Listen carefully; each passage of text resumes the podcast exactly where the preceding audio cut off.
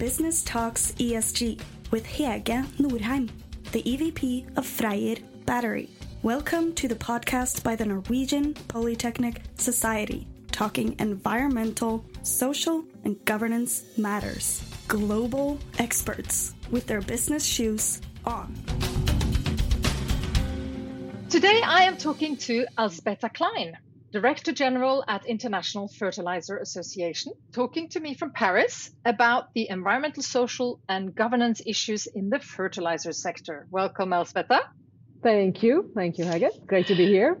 Great to see you. Um, you have worked 24 years in the International Finance Corporation IFC, a member of the World Bank Group and the largest global development institution focused on the private sector in developing countries. And then you became the CEO of the International Fertilizer Association a few years ago. And it's really tempting to ask you, as you know, as we get into this conversation, looking at the long lines, how do you see ESG issues evolving into the business agenda during your career?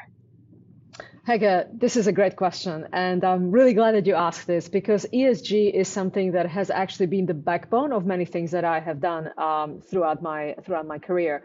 So back in 2000, my previous employer, IFC, came out with the performance standards, so-called performance standards, ESG performance standards, and they became the core of what many other banks, many other financial institutions, and many other companies adopted as standards. Mm. And when we first looked at it in 2000, we thought, wow, this is going to be really, really difficult to do in emerging markets, and our companies, our clients would not be able to do it. But guess what? They have done it, and they have proven that even in emerging markets, you can actually have set of really high level standards and then live by them.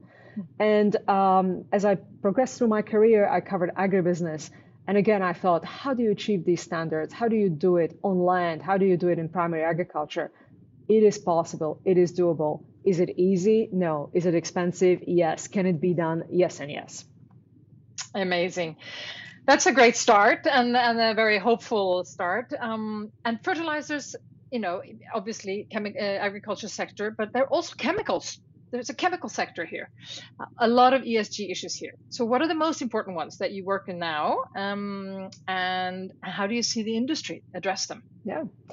So, look, I took this job because I really want to make difference in the fertilizer industry, and I really want to help the industry move the needle on sustainability. So, what are these fertilizers that very few of us understand in depth?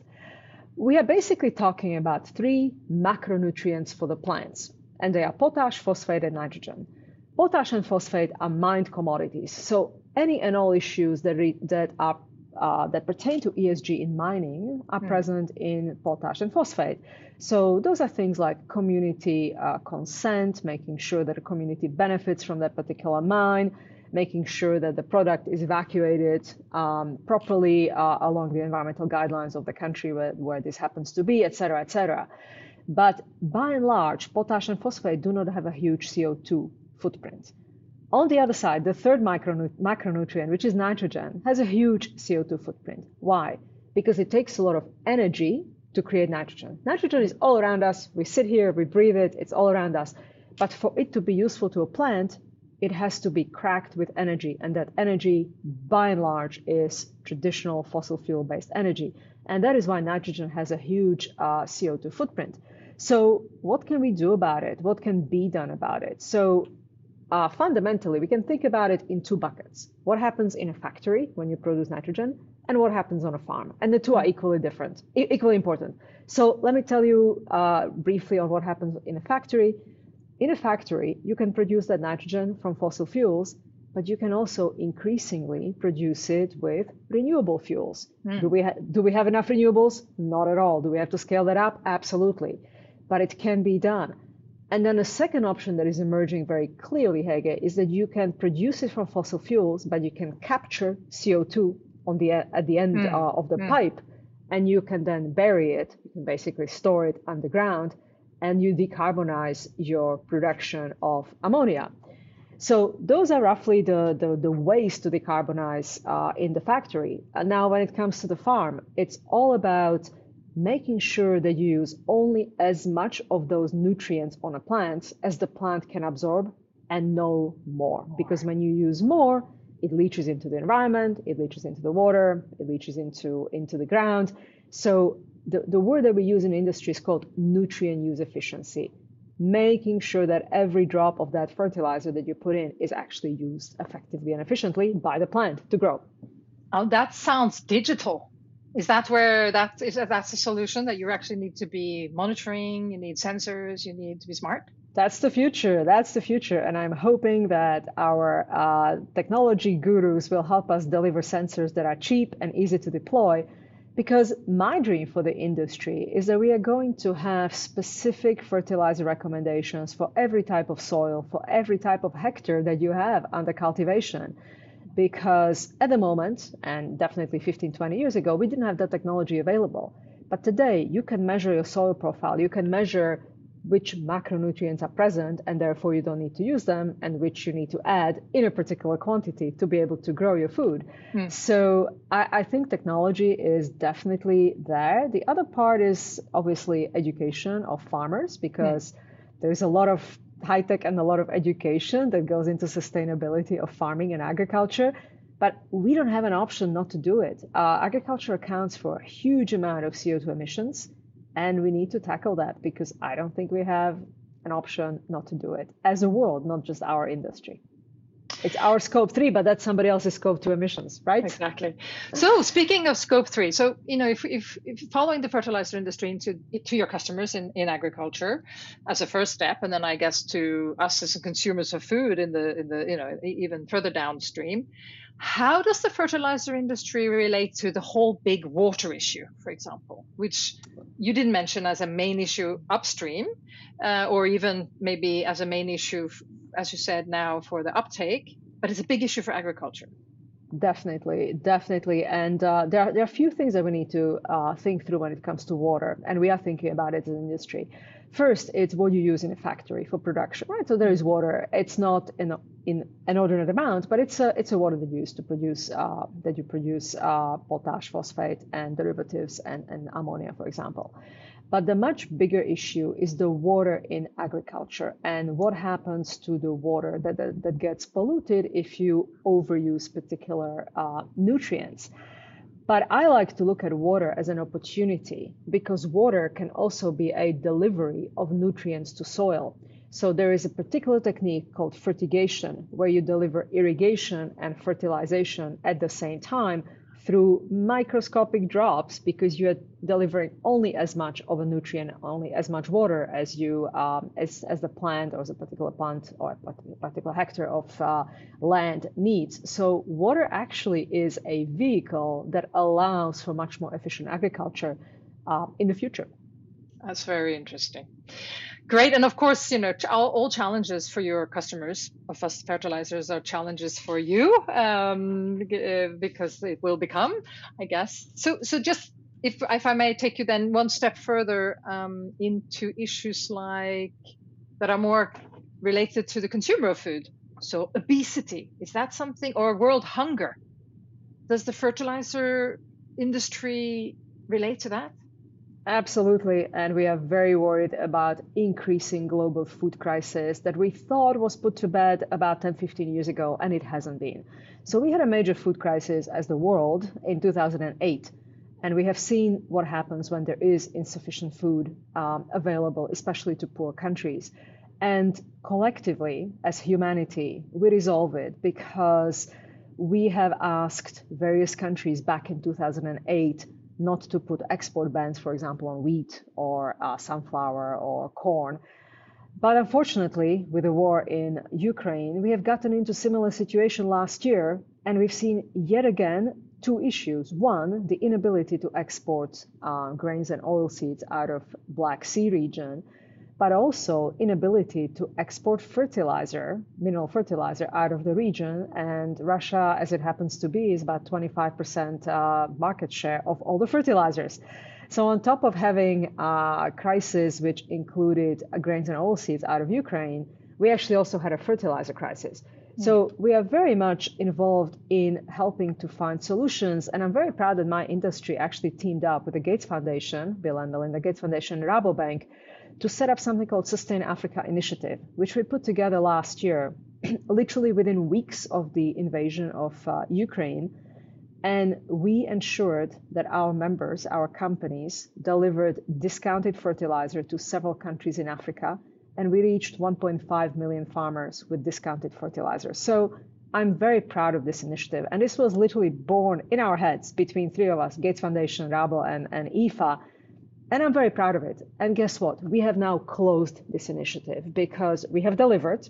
Fertilizer is now available. It flows out of Russia, more or less. It flows out of Belarus, more or less, even though uh, the companies have been and owners have been sanctioned. But we have solved the crisis, and I'm very proud of that. Now, are we out of the woods yet? Absolutely not. You have seen the, the Black Sea trade agreement being um, you know no longer in uh, in effect. Fact. and we're actually quite worried about it but the problem has morphed. It's not a problem of availability of fertilizer and immediate availability of grains. It is a problem of getting it to the right place at the right time.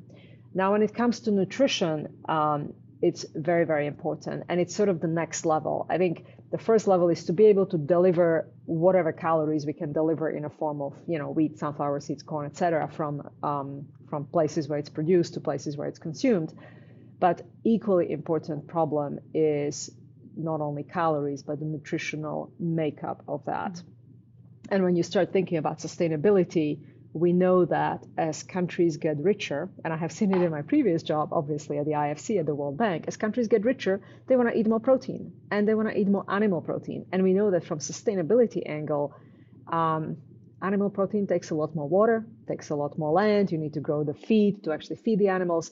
So I don't think we have sorted it out as a civilization, as a humanity, because of that thirst for animal protein. And uh, especially mm. as emerging markets get richer, they want to get more of it. Mm.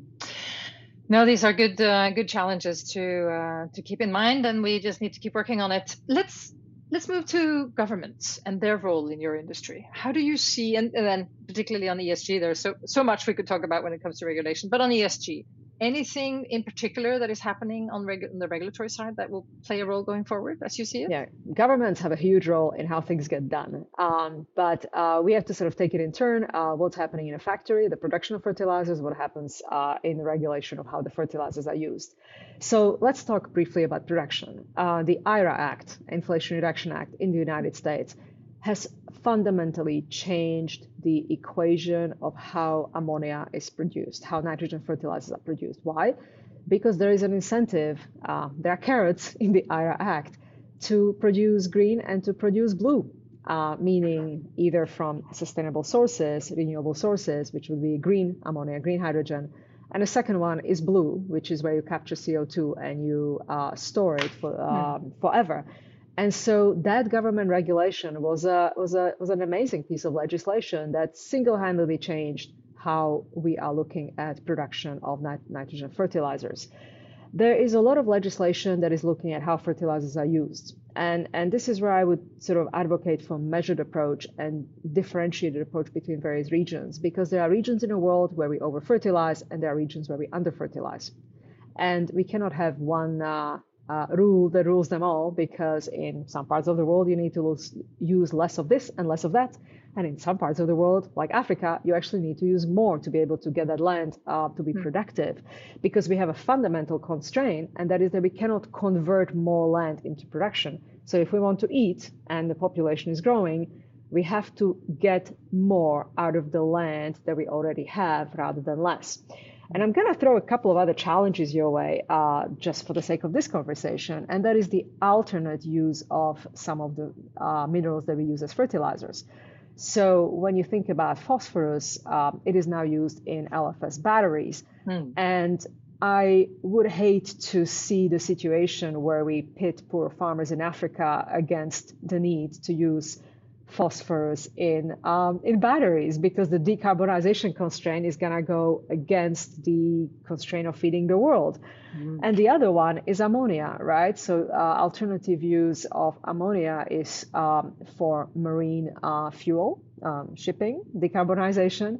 Mm-hmm. It is also used to decarbonize coal. Um, so co-firing um, in coal stations in Japan and South Korea, when you co-fire with ammonia, you reduce your carbon footprint. Again, I would like to not see where we are pitting ammonia uh, for decarbonization versus ammonia for poor farmers in Africa. So we, as the civilization, have a really huge task ahead of us to really have a systemic thinking, systems thinking, where we need to take all these constraints into consideration and making sure that we don't harm something by doing something else. Hmm. Oh, that's a really interesting, uh, you know, cross-industrial uh, linking there. And I was I, I, was aware of both, but I hadn't actually made that link. Very interesting. Also makes me think, though, uh, Alzbeta, that definitely within batteries and the whole, you know, new energy uh, technology development, we will see innovation. We will see new types of batteries. We will see the next generation of, of, of manufacturing processes.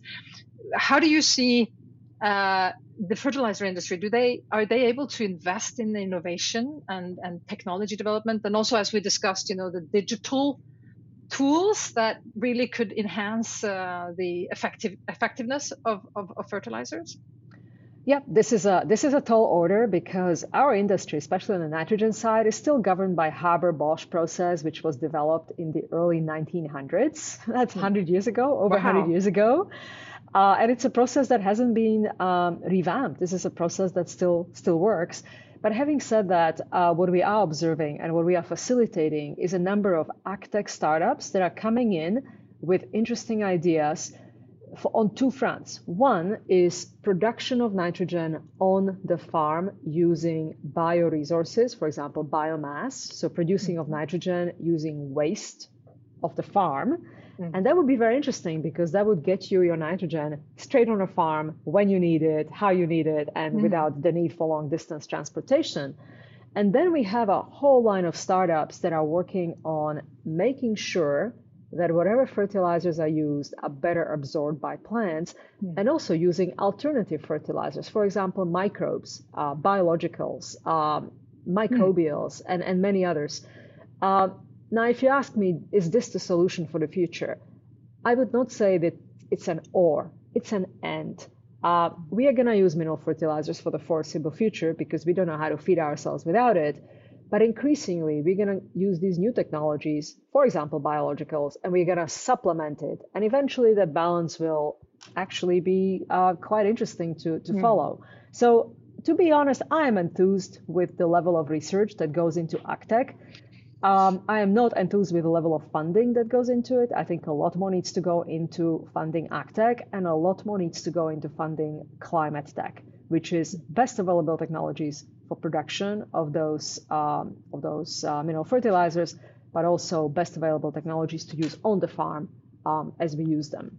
Mm. So we need an IRA for agriculture and fertilizer. We need industry. something for agriculture. you know, you know, you know, Hege. I was very happy when I saw that at the COP in Bonn, which was about four years ago agriculture finally came up on the agenda because for many COPs, I think it was COP 24, if I'm not mistaken, 23, 24, we pretended that agriculture doesn't exist and it was all about energy. And when, when I think about sustainability, it's not just energy. Energy is part and parcel of the equation, but we also need to focus on how we eat, what we eat, and what impact it has on, on the planet and how we decarbonize that because mm. we don't have a luxury not to do it.